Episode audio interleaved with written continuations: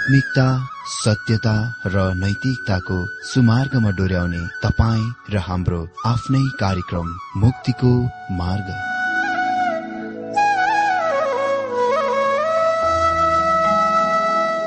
आदरणीय श्रोता यस मुक्तिको मार्ग कार्यक्रममा हार्दिक स्वागत छ।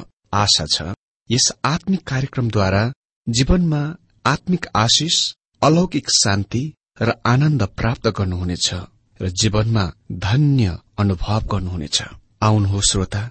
मन र आत्माको तयारीको लागि यो मिठो अनि मधुर भजन गीत सुनौ। केवल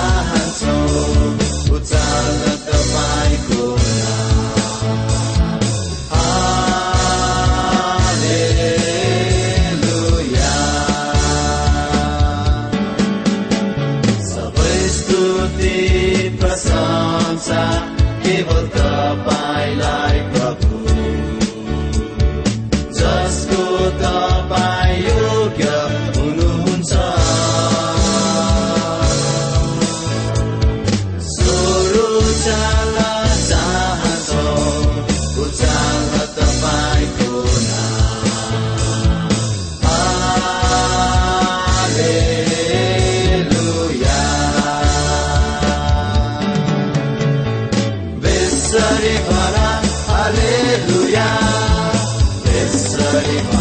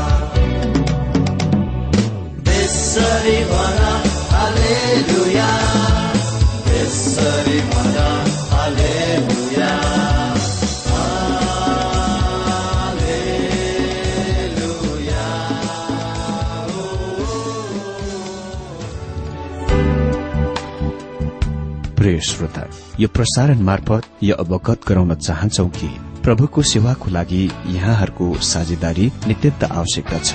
यहाँहरूले प्रार्थनाको साथसाथै आर्थिक सहायता गर्न अनुरोध गर्दछौ। तपाईँहरूको सानोभन्दा सानो भेटी किन नहोस्? हामी प्रभुको नाममा स्वीकार गर्नेछौ प्रभुको सेवाको लागि। तपाईँहरूको यो सानो लगानीले कसैको जीवनमा भिन्नता ल्याउँछ अनि प्रभुको महिमा हुन्छ। प्रभु तपाईँहरूलाई महान गरी आशिष दिनुहुनेछ। इच्छुक श्रोताहरूले तपाईँको इच्छा भेटी हाम्रो ठेगानामा पठाउन सक्नुहुन्छ जुन ठेगाना हामी कार्यक्रमको अन्तमा दिनेछौं।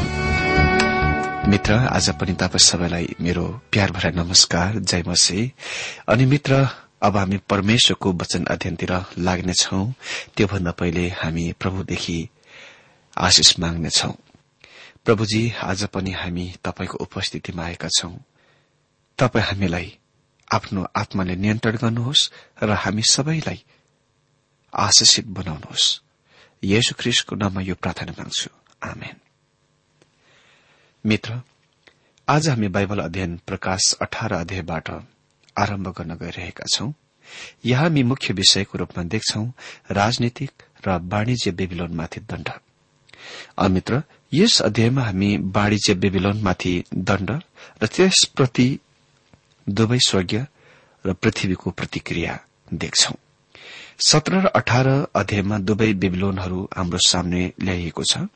सत्र अध्यायको बेबिलोन कलिसे बेबिलोन हो। यो पहिलो बेबिलोन चाहिँ धार्मिक हो।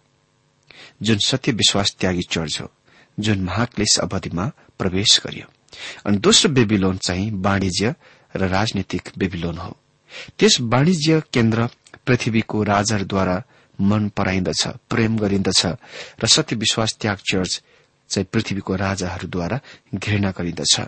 जुनको हामीले अघिल्लो दिनमा सत्र अध्यायमा देख्यौं।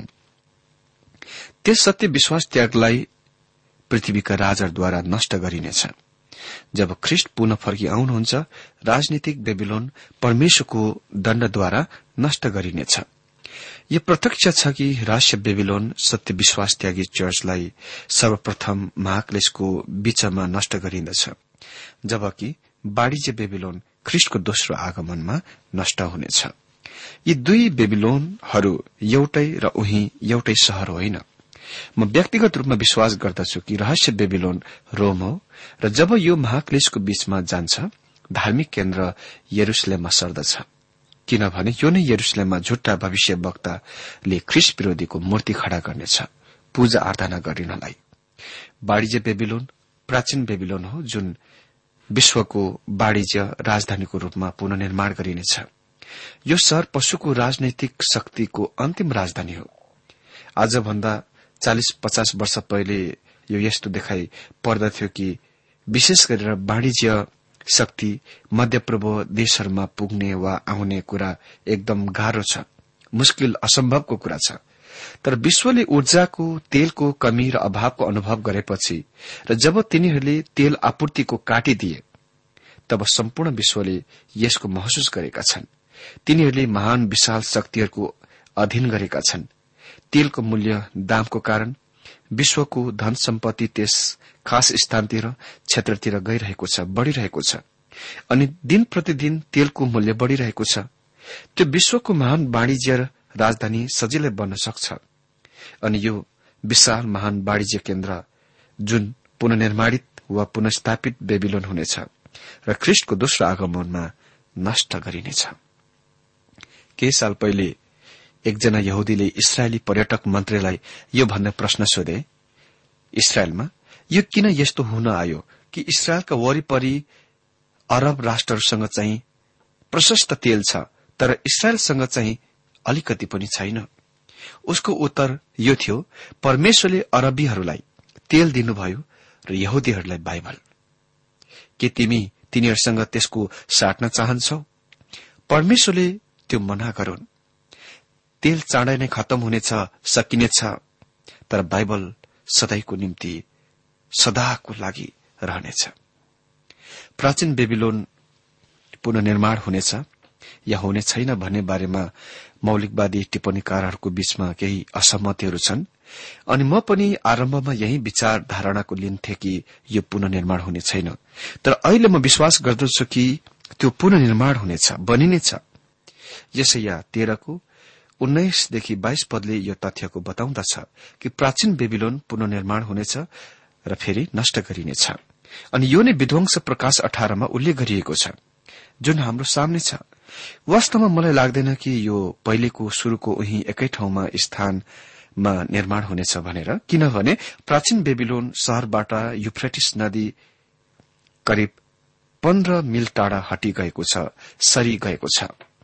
बेबिलोनको विध्वंसको दुई विचार दृष्टिहरू छन् जुन एक आपसमा खण्डन र विपरीतका छन्। दृष्टिकोण र सापेक्ष महत्व एकदम महत्वपूर्ण छन्। पहिलो व्यापार र राजनीतिकहरूका मानिसहरूको प्रतिक्रिया एक महान तीव्र वेदनाको हो। तिनीहरूको निम्ति यो त्रासिदी दुखद अनुभवको गहिराई हो। यसको मतलब ठूलो व्यापारको सम्पूर्ण कंगालीपन हो। अनि दोस्रो प्रतिक्रिया चाहिँ स्वर्गीयको हो। यो परमेश्वरको पवित्रता र न्यायको उचित वा न्यायसंगत ठहराईको आनन्द र हर्ष हो। यसको मतलब पृथ्वीमा मानिसको पापपूर्ण जीवनवृत्तिको अन्त हो। यसले महाक्लेशको अवधिको अन्ततिर ल्याउँदछ। आज हामी प्रकाश अठार अध्याय एकदेखि आठ पदसम्मबाट वचन अध्ययन गर्न गइरहेका छौं। यहाँ हामी देख्छौ वाणिज्य र राजनीतिक बेबिलोनको पतन र घोषणा। अठार अध्याय अर्को स्वर्गीय दूतसँग उल्लेख हुँदै आरम्भ हुन्छ जो सन्देश सहित स्वर्गीयबाट आउँदछ। प्रकाश अठारको एक पदमा यस प्रकार लेखिएको छ। अनि यी कुरापछि मैले ठूलो अधिकार भएको एउटा स्वर्गीयदूतलाई स्वर्गीयबाट ओर्लिरहेको देखे अनि उनको महिमाले पृथ्वी झलमल भयो। फेरि हामीसँग यो एकदम चाखलाग्दो कथन छ। यी कुराहरूपछि ग्रीकमा हो मेटा टौटा के कुराहरूपछि सातहरूका मालाहरू अनुक्रमहरू पछि र धार्मिक बेबिलोनको दण्डपछि यी कुराहरू आउँदछन्। सात छापहरूमा सात तुरैहरूमा सात व्यक्तित्वहरूमा र क्रोधको सात कचौराहरूमा निश्चय नै अघि बढ़ने काम उन्नति हुने काम भएको छ र हामी निश्चय नै महाक्लेशको अन्ततिर बढ़िरहेका छौं। वास्तवमा यसले हामीलाई महाक्लेशको अन्ततिर ल्याउँदछ। युहना भन्छन् मैले देखे उनी अझै दर्शक छन्। दर्शक हुन्। रमिता हेर्ने। उसले अर्को स्वर्गीयदूतलाई देखे जुनले हामीलाई पछाडि चौध अध्यायतिर लाँदछ जहाँ छवटा स्वर्गीयदूतहरूको माला वा अनुक्रमको उल्लेख भएको छ। प्रत्येकलाई अर्को स्वर्गीयदूतको एक मात्र पहिचान वा चिनारीसँग उल्लेख गरिएको छ। यो स्वर्गीयदूत र परमेश्वरको अलौकिक ईश्वरीय सन्देश भाग हुन् तर अज्ञात थाहा नपाइएको। उससँग महान अधिकार शक्ति छ जुनले यो संकेत गर्दछ कि उनी अरू अर्को स्वर्गीयदूत भन्दा उच्च श्रेणीका उच्च पदका हुन् र उसले महत्वपूर्ण सन्देश ल्याइरहेका छन्। अनि उनको महिमाले पृथ्वी झलमल भयो।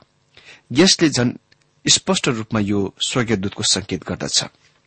अनि दुई पदमा हामी पढ्दछौ यस प्रकार लेखिएको छ अनि उनी ठूलो स्वरले यसो भन्दै शक्तिसाथ कराए महान बेबिलोन ढलियो। ढल्यो र दुष्ट आत्माहरूको वासस्थान हरेक अशुद्ध आत्माको कैदखाना र हरेक अशुद्ध र घिनलाग्दो चराको खोर भएको छ।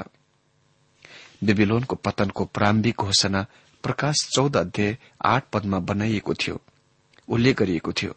अनि अर्को एउटा स्वर्गीय दूतले यसो भन्दै पछ्याए ढल्यो त्यो ठूलो सर बेबिलोन ढल्यो किनभने त्यसले आफ्नो व्याविचारको क्रोधको मध्यबाट सबै जातिहरूलाई पिउन लगायो।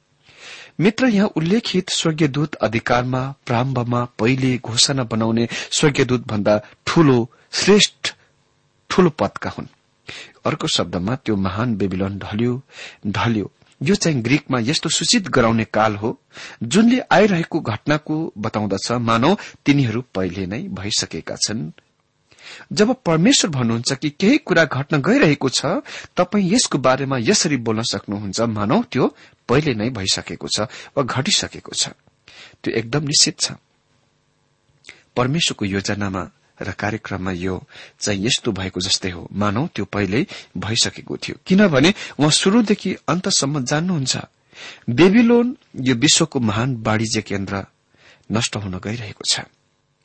दुष्ट आत्माहरूका वासस्थान हरेक अशुद्ध आत्माको कैद खाना र हरेक अशुद्ध र घिनलाग्दो चराको खोर भएको छ। यसले यो संकेत गर्दछ कि बेबिलोन त्यो स्थान हो जहाँ आत्मा संसारका दुष्ट आत्मा प्रेत आत्मा र भौतिक संसारका अशुद्ध पंक्षीहरू हजार वर्षीय राज्य अवधिमा बढ़नेछन्। भविष्य वक्ता यसैया र यर्मियाले यसको पुष्टि गर्दछन्। यसैया तेह्रको उन्नाइसदेखि बाइस यर्मिया बाया पचासको अडतिसदेखि चालिस पदमा।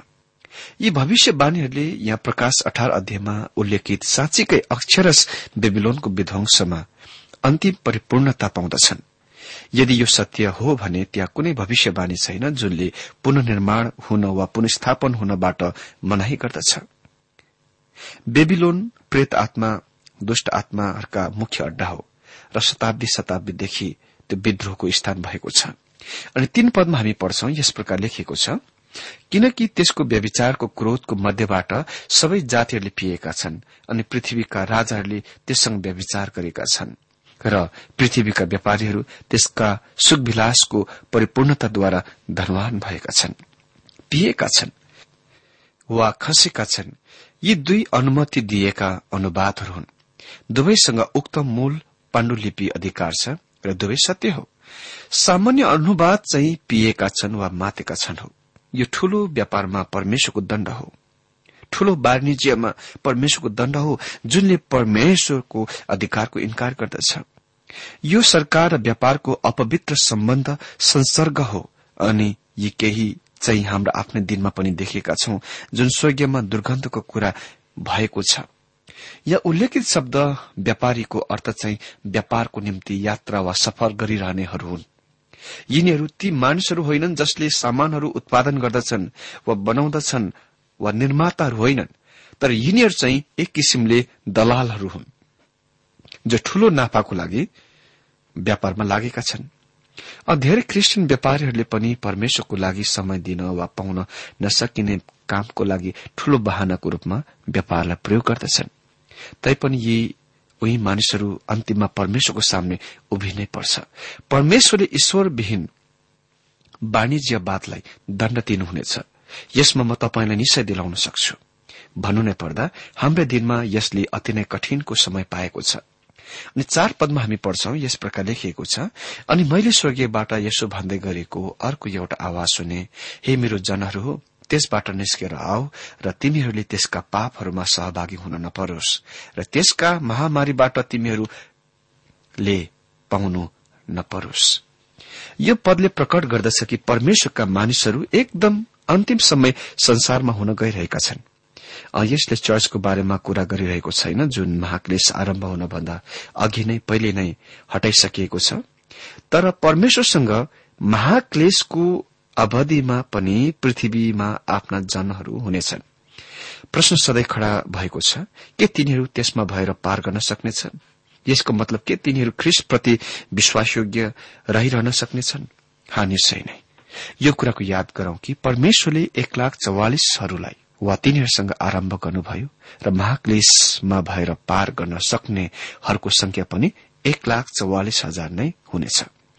यो चाहिँ प्रभु येशुले त्यस गोठालाको बारेमा बताउनु भएको दृष्टान्त जस्तै हो जसले एक सय भेडासँग शुरू गर्यो र एउटा चाहिँ हरायो।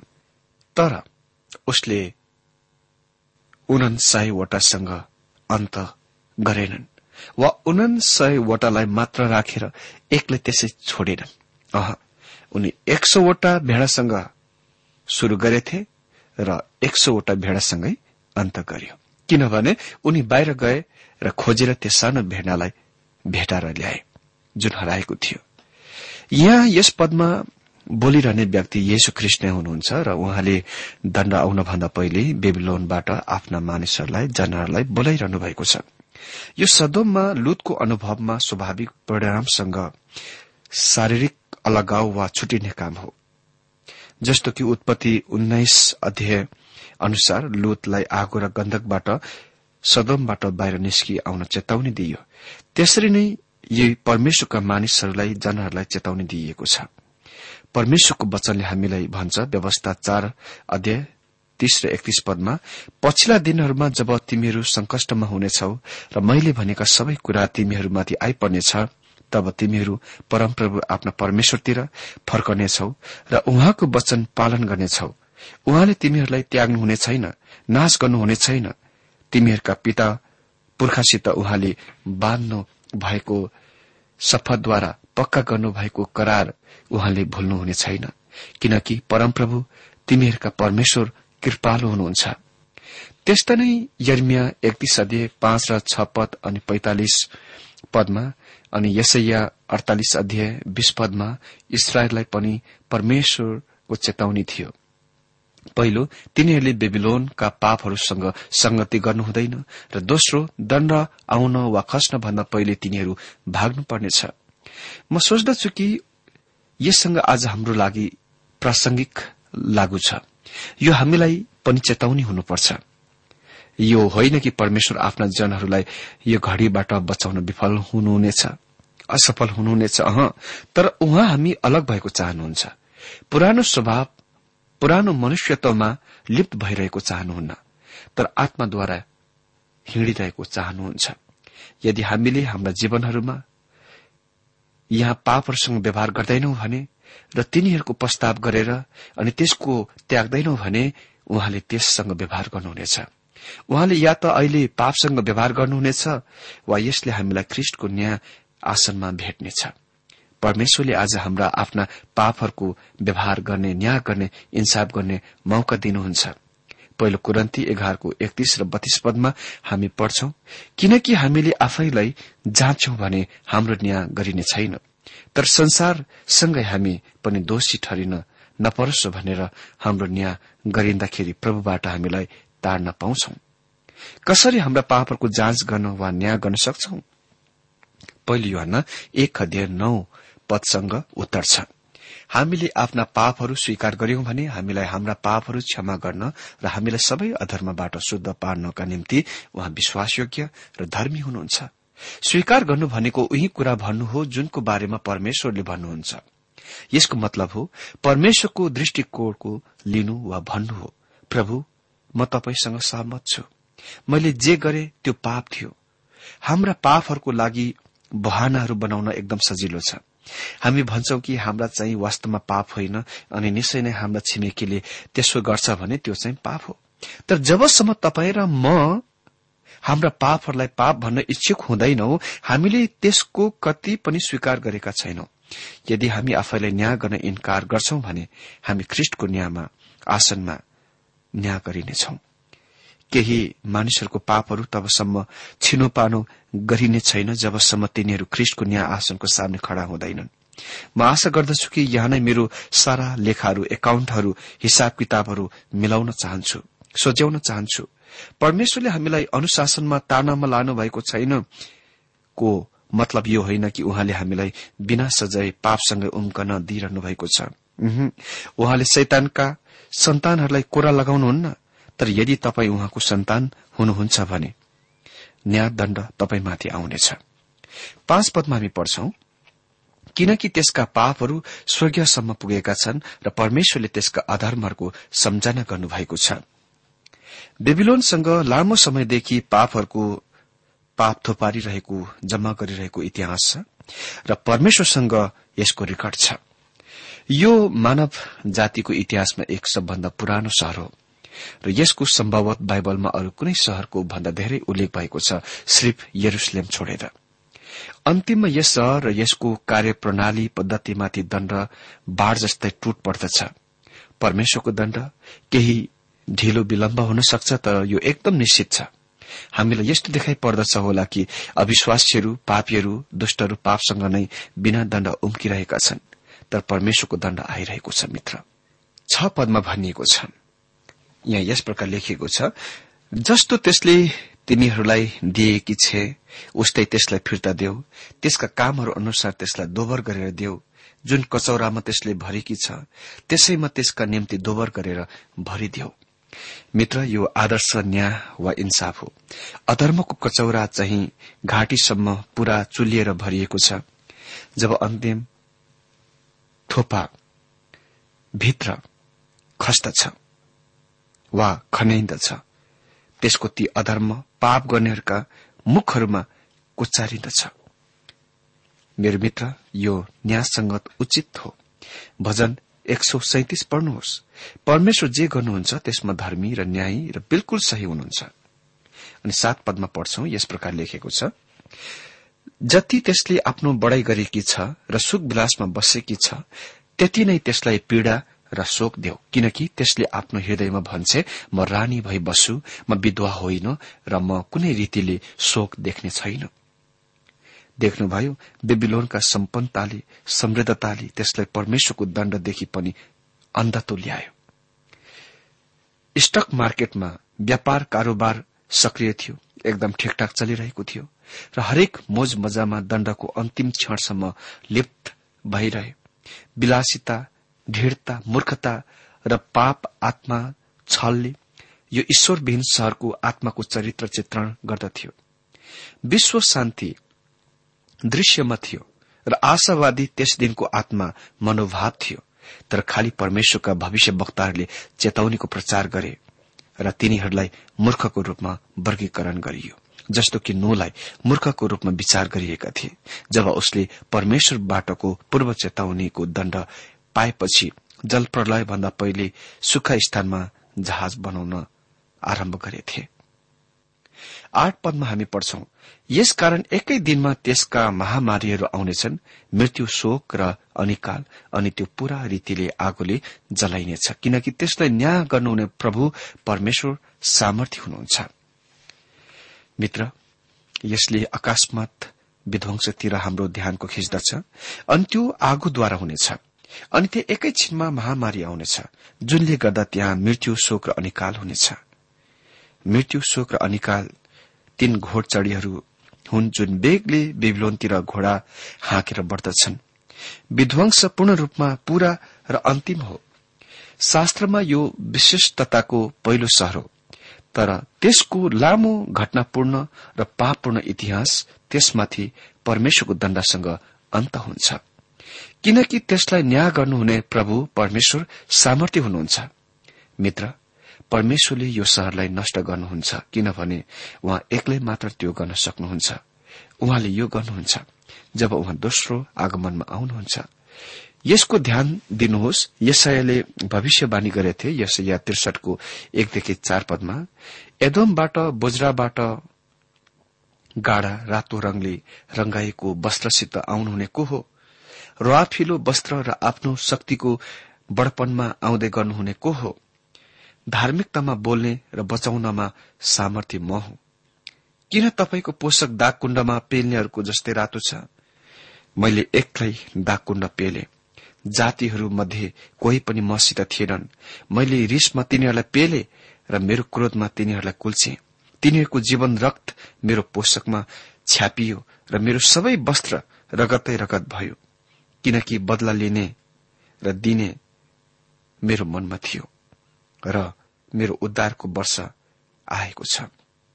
उहाँको आगमनमा ख्रिष्ट रगतै रगत लागेको पोषकसँग एदमबाट आइरहनु भएको देखिन्दछ यो मेरो विश्वास हो कि उहाँ बेबिलोनको बाटो हुँदै आउनु भएको छ र उहाँले त्यस दुष्ट शहरमाथि दण्डको कार्यान्वित गर्नुभएको छ। अनि हामी निम्न पदहरूमा ख्रिष्टको दोस्रो आगमनको देख्नेछौ र अर्को हामी यो महान केन्द्रको विध्वंसप्रति प्रतिक्रियाको अर्को दिनमा देख्नेछौ र त्यहाँ संसारमा विलाप र शोक हुनेछ र हामी देख्नेछौ कि त्यसको दाह कर्ममा दफनमा को उपस्थित हुन्छ। अनि उही समयमा बेबिलोनको दण्डको कारण स्वर्गीयमा हर्षको आनन्दको प्रत्याशा हुनेछ।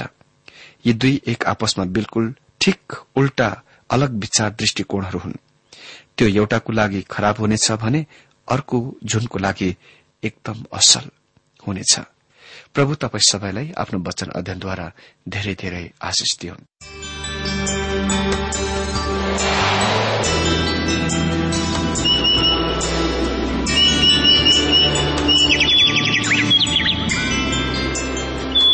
प्रिय श्रोता अहिले भर्खरै तपाईँले टीडब्ल्यूआर नेपालद्वारा संचालित आत्मिक कार्यक्रम मुक्तिको मार्ग सुनिरहनु भएको थियो। श्रोता आजको यो कार्यक्रम सुनेर तपाईँलाई कस्तो लाग्यो? यदि यो कार्यक्रम सुनेर मनमा कुनै खुल्दुली वा कुनै प्रतिक्रिया अर्थात सुझावहरू छन् भने हामीलाई पत्रद्वारा लेख्न सक्नुहुनेछ। हामी हृदयदेखि नै स्वागत गर्नेछौ स्वीकार गर्नेछौ साथै बाइबल सम्बन्धित प्रचारहरू कार्यक्रम सारणीहरू हामी अनुरोधमा पठाउन सक्छौ। अनि तपाईँसँग कुनै प्रार्थनाको विषय छन् भने हामीले तपाईँको लागि प्रार्थना गरेको चाहनुहुन्छ। हुनुहुन्छ भने प्रभुमा आफ्नै परिवार सम्झेर हामीलाई पत्रमा लेख्न सक्नुहुनेछ। तपाईँको लागि हामी प्रभु येशुसँग प्रार्थना गर्नेछौ। अधिक जानकारी र पत्रचारको लागि हाम्रो ठेगाना यस प्रकार छ। कार्यक्रम मुक्तिको मार्ग जीपीओ नम्बर उनानब्बे पचहत्तर एपीसी पच्चिस एकसठी काठमाडौँ। ठेगाना एकपल्ट सुन्नुहोला कार्यक्रम मुक्तिको मार्ग जीपीओ नम्बर उनानब्बे पचहत्तर एपीसी पच्चिस एकसठी काठमाडौँ। हाम्रो इमेल एड्रेस हो TWR Nepal at Yahoo dot com साथै यस नम्बरमा एसएमएस गर्न सक्नुहुनेछ अन्ठानब्बे चार सत्तरी पैंतिस छ सय उनासी नौ आठ चार सात जिरो तीन पाँच छ सात नौ। हुन्छ श्रोता आजलाई हामी विदा चाहन्छौ। अर्को कार्यक्रममा हामी पुनः भेट्नेछौ तबसम्मलाई नमस्कार।